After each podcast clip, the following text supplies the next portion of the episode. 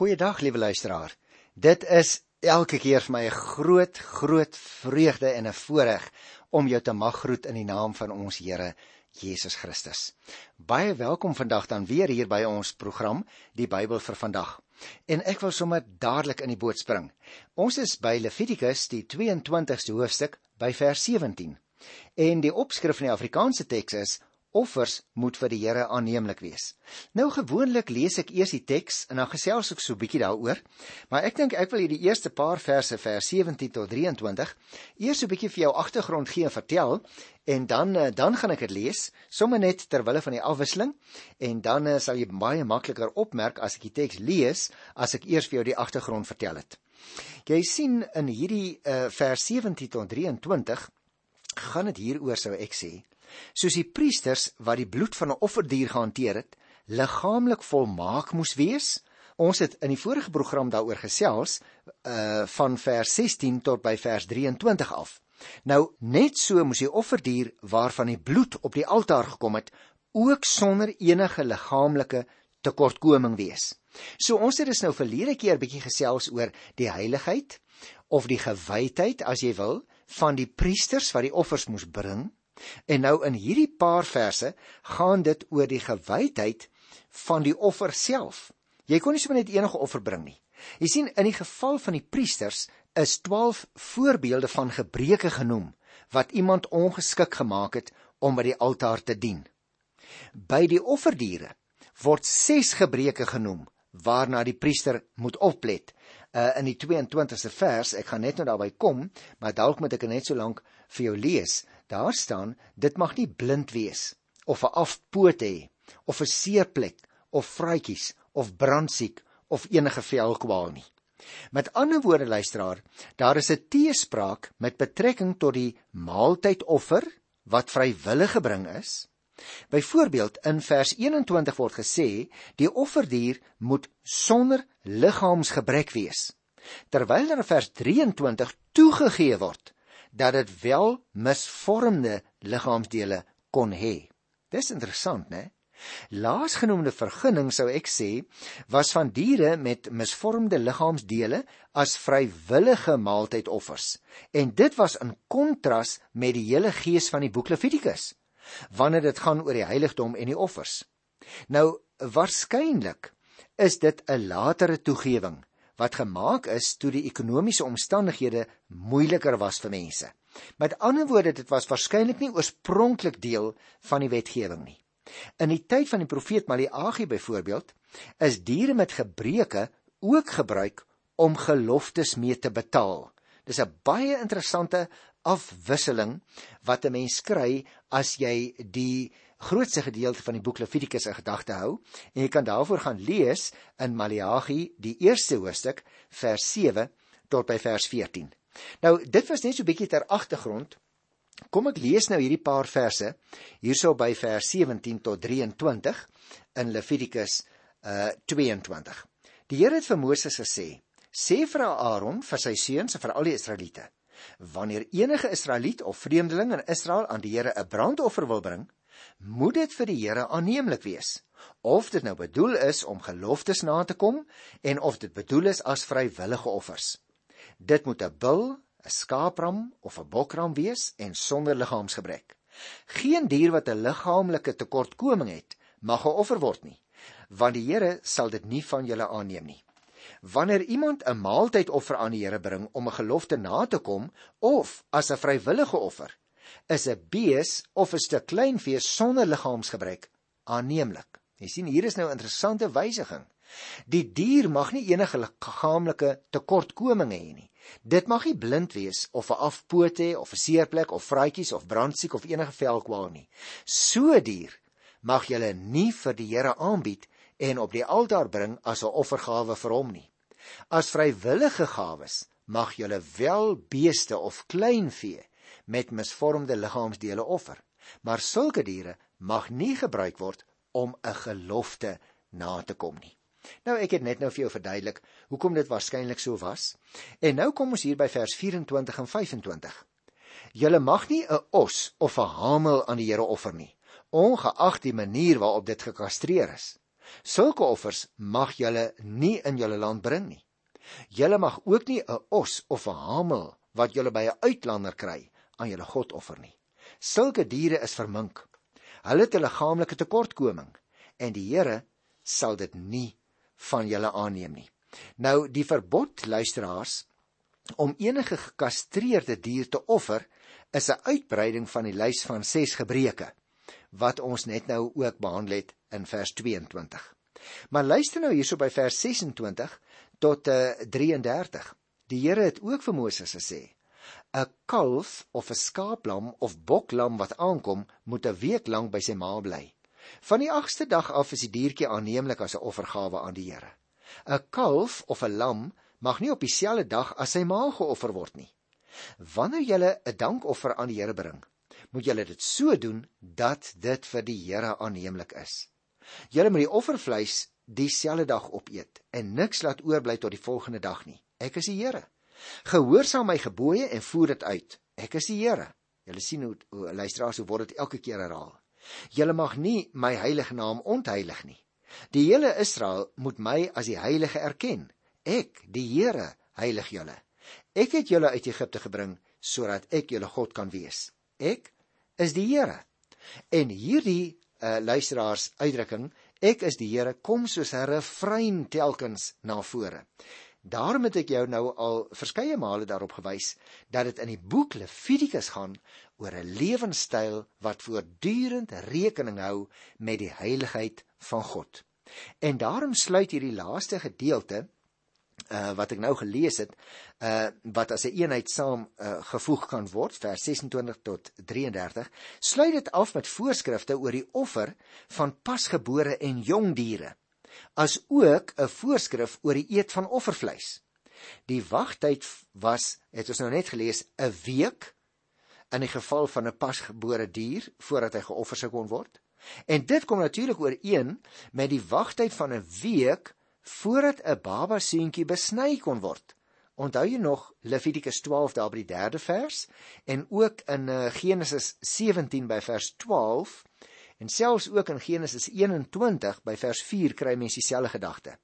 Die voorskrifte en die oproep tot gehoorsaamheid om aan hierdie voorskrifte getrou te bly word weer eens teruggevoer na wat? Na die heiligheid van God.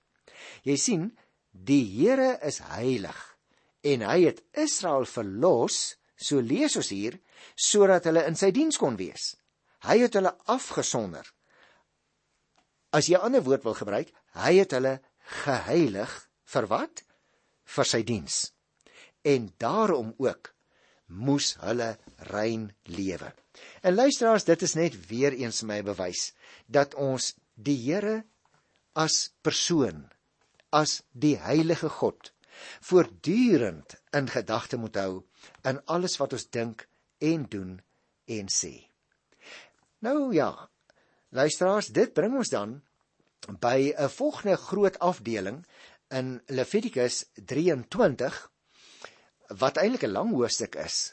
Uh, ek gaan maar net 'n stukkie daarvan vandag gedoen kry. Dit het naamlik 44 verse en dit handel hier Die opskrif in die Afrikaanse teks is feeste tot eer van die Here. Mense ook kon praat van gewyde feeste. En let nou op, julle onthou dat ons gesê het die boek Levitikus het verskillende groot afdelings en hierdie 23ste hoofstuk is nou nog steeds deel van hierdie groot 5de hoofdeel van die boek Levitikus wat handel oor wat ek destyds genoem het die heiligheidswet. Nou ek wil eers net 'n paar algemene opmerkings maak voordat ek na die detail van hierdie hoofstuk gaan begin kyk. Want in Levitikus 23 uh kan ons in die hoofstuk uh as dit ware 'n uitgeskryfde kerkkalender terugvind. Dis amper soos 'n jaarprogram in 'n gemeente wat duidelik uitgeskryf is. Want jy sien, sekere dae in 'n jaar was natuurlik vir Israel uitgesonder sodat daar gewyde byeenkomste op daardie dae gehou kon word. Nou miskien sou ons se vandag daarvan praat as publieke vakansiedae, maar omdat dit ehm um, 'n ryk was, 'n staat was waar dit so beskou is dat God die hoof van die staat was, was dit dus ook heilige godsdienstige dae. En met uitsondering van die Hittefees wat ons hier van vers 43 af in 'n volgende program sal bespreek, word daar nie in hierdie hoofstuk historiese redes gegee vir die verskillende byeenkomste nie. Dit word net genoem. Die gewyde feesdae word byvoorbeeld aan bepaalde tye in die landboujaar verbind, soos die begin van die oestyd. Deur verskillende voorskrifte word nou wel aangetoon wat die volk op elke een van hierdie gewyde feesdae moes doen.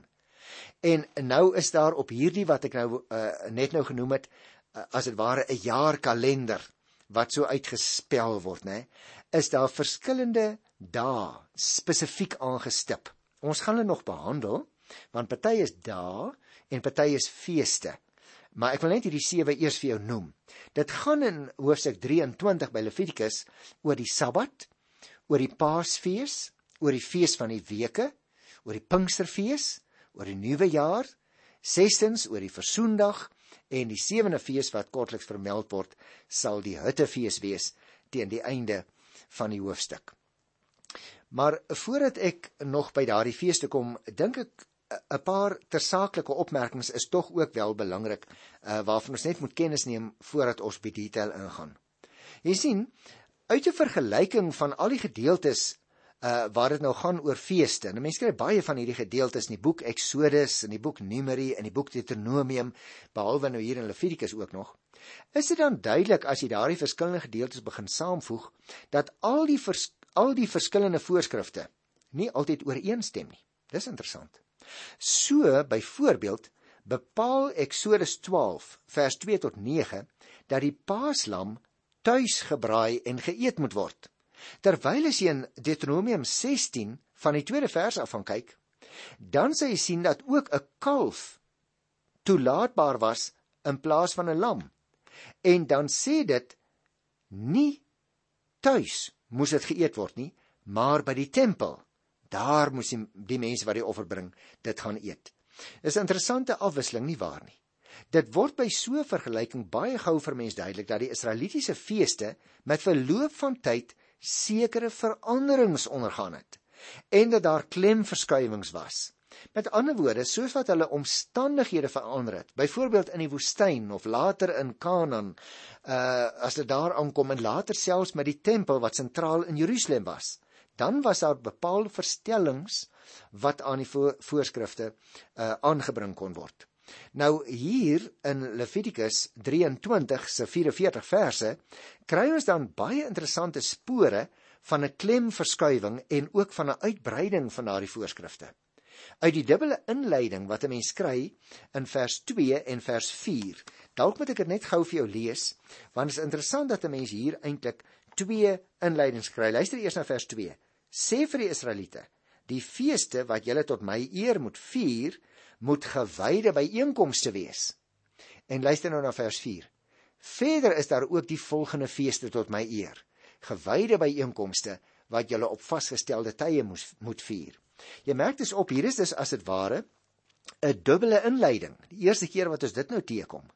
En daaruit kan ons die afleiding maak dat die voorskrif oor die Sabbat wat 'n weeklikse feesdag was, waarskynlik in 'n later stadium vooropgestel is in 'n reeks voorskrifte wat gehandel het oor jaarlikse feeste. Nou, dit is ook vir my verder duidelik dat die voorskrifte wat 'n mens uh, byvoorbeeld in vers 37 en 38 kry en wat op 'n ander manier eindig as die voorskrifte in vers 39 tot 43 'n latere uitbreiding is op sekere uh oorspronklike voorskrifte. En luister as ek dink hierdie interessante klemverskuiwing en die uitbreiding is waarskynlik gedoen in die tyd na die ballingskap toe die Sabbat en die Hittefees baie belangrik geword het. Nou ek wys spesifiek vandag hierdie dinge vir jou uit sodat jy kan ontdek dat daar ook wat bepaalde gebruike betref verandering gekom het in die loop van honderde jare. Met ander woorde soos wat die geskiedenis aangegaan het, is sekere van die uh onderafdelings wat gehandel het oor hoe 'n mens die fees spesifiek moet vier, ook verstel. Want nou was die mense byvoorbeeld nie weer in die woestyn nie, of hulle was in ballingskap, of hulle was weer terug in Jerusalem en soms was daar praktiese omstandighede waarby aanpassings gemaak moet word wat die praktyk betref. Nie die saak nie, hoor, maar die praktyk. En nou wil ek dadelik vir jou sê, maar is dit nou nie maar vandag ook ook vir ons so nie? As ons hierdie program juis die Bybel vir vandag noem, dan wil ek hierdie goed vir jou uitwys. Want eh, kom ek kom ek noem net as voorbeeld. Ons sing nie nou meer in die erediens presies dieselfde liedere op dieselfde wysies as wat ons dit 50 jaar gelede gedoen het nie. Want taal verander. Mense se styl van aanbidding verander. En jou lied wil jy altyd hê dit moet die verklanking wees van die bedoeling van mense se harte. As jy as jy sulke goed nie sou verstel van tyd tot tyd nie, dan verstar die kerk. En dan word dit eintlik 'n museum waar mense kan gaan kyk hoe dinge 50 of 100 jaar gelede was. En daarom moet jy versigtig wees dat die inhoud nooit verstel word nie want dit staan in die Bybel, maar die verpraktisering van ons godsdiens, dit kan anders lyk in verskillende tye. Maar terug hierso by Levitikus. In sy huidige vorm kan hierdie 44 uh, verse dus ook op verskillende maniere onderverdeel word. Maar ek gaan nou daaroor gesels wanneer ek daarby kom. Ek wil nog net een opmerking maak. Die feeste wat in die lente gevier is, interessant, bestaan uit twee groepe van twee feeste elk, naamlik die Paasfees en die fees van die ongesuurde brode en daarna die veiding van die eerste graan en die fees van die weke. Die feeste wat in herfs gevier is nou weer, staan elkeen apart, naamlik die besondere rusdag, ons gaan daarby kom in vers 23, en dan ook die jaarlikse versoendag van vers 26 af en die huttefees van vers 43 af. Nou ja goed. Kom ons begin dan dadelik hierso so by die eerste 3 verse van Levitikus 23. Die Here het vir Moses gesê: "Sê vir die Israeliete: Die feeste wat julle tot my eer moet vier, moet gewyde byeenkomste wees. Die volgende is my feeste. 6 dae moet julle werk, maar die sewende dag is 'n rusdag, 'n Sabbat waarop julle 'n gewyde byeenkoms moet hou. Dan mag julle geen werk doen nie. Julle moet die Sabbat aan die Here wy, waar julle ook al woon." Nou luisteraars, nou kan jy dadelik verstaan hoekom ek net nou gesê het die styl waarop die fees gevier is, het met verloop van tyd verander. Eers was die ouens in die woestyn, later is hulle in die beloofde land. Later word hulle weggevoer na Babel. Nog 70 jaar later kom hulle weer terug in 'n land wat basies verwoes is. So die saak van die Sabbat is belangrik. Maar die manier waarop die fees gevier is, dit kan verander het. En daarom wil ek nou net kortliks eers vir jou sê waaroor gaan dit uh, spesifiek by die Sabbatdag. Die Sabbat uh, op die sewende dag van elke week het sowel die skepping as die redding uit Egipte herdenk en dit was dus 'n rusdag wat altyd moes gedien het as 'n teken van die verbond tussen die Here en sy volk. Daarom kry mense dit ook in Eksodus 20 van vers 8 tot by vers 11 of Deuteronomium 5 sal jy onthou, uh, vers 12 tot 15. By die tempel moes op die Sabbat twee keer soveel offers gebring word as op die ander weekdae. Jy kry daardie bepaling in Numeri 28 vers 9 en 10. Al wat ek dus op hierdie stadium wil uitwys is dat selfs die wyse waarop die Sabbat gevier is, uh, verander het in die loop van die geskiedenis. Het jy gehoor wat ek sê? Die wyse waarop dit gevier is, het verander, maar nie die saak van die rusdag van die Here nie.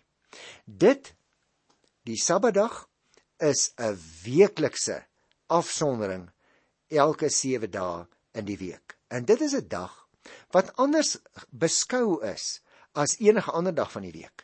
Die alledaagse aktiwiteite wat op daardie dag gestaak is en al die lede van die volk kom in gewyde byeenkomste bymekaar.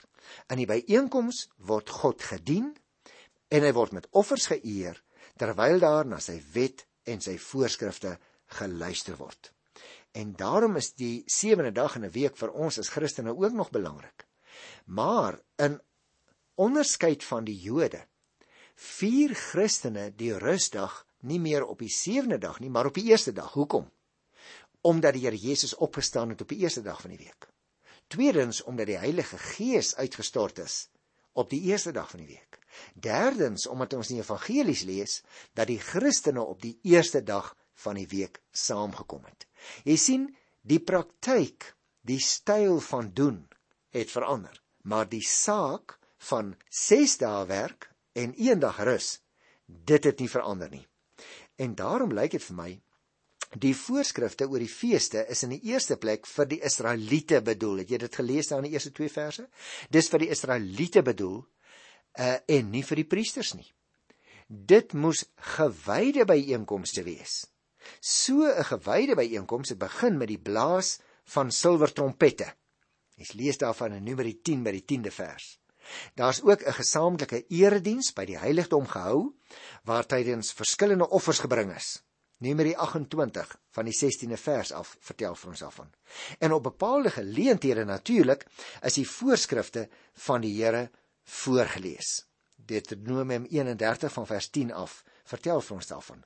Maar in later tye het die klem dan verskuif van offers na die voorlesing uit die wetboek van die Here en na skuldbeleidnis en na die sing van liedere. Gaan kyk maar in in uh, die boek Nehemia, die 9de hoofstuk. Daar sê dit baie duidelik sien die belang wat die sang ingeneem het. En niemand is dan toegelaat om op so 'n dag te werk nie. Die derde vers het vir ons geleer dat die kort voorskrif oor die Sabbat verbied enige werk en dit gebied die hou van gewyde byeenkoms. Jy merk dus op, daar is in die wetgewing van die Here baie dikwels soos in hierdie geval sekere dinge wat verbied word en ander dinge wat gebied word. Dinge wat jy nie mag doen nie en ander dinge wat jy weer moet doen omdat die Here dit vir ons sê. En daarom wil ek dit nou graag dadelik uh, laat aansluit en daarmee gaan ek afsluit vir vandag. Wat sê jy en ek nou as Christus gelowiges van wetgewing soos hierdie wat dan nou baie duidelik oor die Sabbat handel? Want hier staan dat dit 'n fees moet wees tot eer van die Here. Die derde vers in Levitikus 23 sê: "Ses dae om jy werk, maar die sewende dag is 'n rusdag, 'n Sabbat waarop jy 'n gewyde byeenkoms moet hou." Nou jy sien luisteraar, vir jou en vir my wat Christus gelowige mense is, ons wil juis hierdie voorskrif steeds laat bly voortleef elke Sondag. 'n Dag wat spesifiek afgesonder is vir die Here. Is die rusdag dan nou heiliger as ander dae? O nee, ek sou nie so sê nie. Nou wat maak dit dan anders? Wat dit anders maak is nommer 1 dat die Here dit goed gedink het dat ons 6 dae sal werk en 1 dag sal rus. Maar die tweede aspek dink ek is net so so belangrik dat ons juis op die rusdag ons in besonder sal rig op God dat ons waar ons in die loop van die week en sy gewone werksaamhede nie altyd die tyd het om om regtig ons aandag te fokus op die Here nie want ons dagtaak hou ons besig Die baas gaan gou vir ons by die werk sê, nou maar hoor jy kan hier werk as jy net almekaar uh aan jou godsdiens dink en daarmee wil besig wees nie. Daarom is dit 'n wonderlike wonderlike genade dat jy en ek mag lewe in 'n land waar ons nog die rusdag mag vier. En ek wil vir jou baie mooi vra op grond van hierdie riglyn in die Here se woord. Hoe staan dit met jou? Hoe staan dit met my as leraar? uh het ek ook 'n sekere tyd in die week dan waar ek my baie spesifiek afsonder om op 'n vaste patroon met die Here omgang te hê. Ek self dis nakies probeer maar so op 'n donderdag regtig met die Here se sake en met sy met sy woord besig wees, ook met my voorbereiding op die woordbediening van die Sondag maar op die donderdag probeer ek so min mense as moontlik sien. Omdat vir ons as dominees is dit nogal moeilik, né, want die rusdag is 'n werkdag vir ons, veral as jy 'n paar eredienste het wat jy moet hou. Maar nou staan dit duidelik op daardie dag mag jy geen werk doen nie. Jy moet die dag aan die Here wy. En is dit so met jou en met my? sien in hierdie gejaagde tyd waarin ons lewe luisteraar, maak ons nog erns met ons stil word voor die Here, met ons luister na sy woord, met ons afsonder in ons verhouding met die Here. Luister ons met die met die ore van ons gees, van ons harte as jy wil. Né? Jy onthou toe ou ou Salomo daar uh hom afgesonder het in Gibeon. Hoe dit daar staan: Here, gee my 'n hart wat na U luister. Kom ons dink ook hieroor na terwyl ons program altyd van maandag tot vrydag is. En uh, dan vra ons onsself af: Wy ek nog die rusdag aan die Here? Bring ek dit op so 'n manier deur, ook met my gesin en met my kinders as ek kinders het of met my vriende? Maar veral staan die Here staan die Here Jesus sentraal in die manier waarop ek die rusdag deurbring. Ek groet jou in sy wonderlike naam tot volgende keer en ek wil vir jou in sy naam die seën van die Here gee. Bêre dit in jou hart, lewe daaruit, troetel jou verhouding met die Here. Tot volgende keer dan. Totsiens.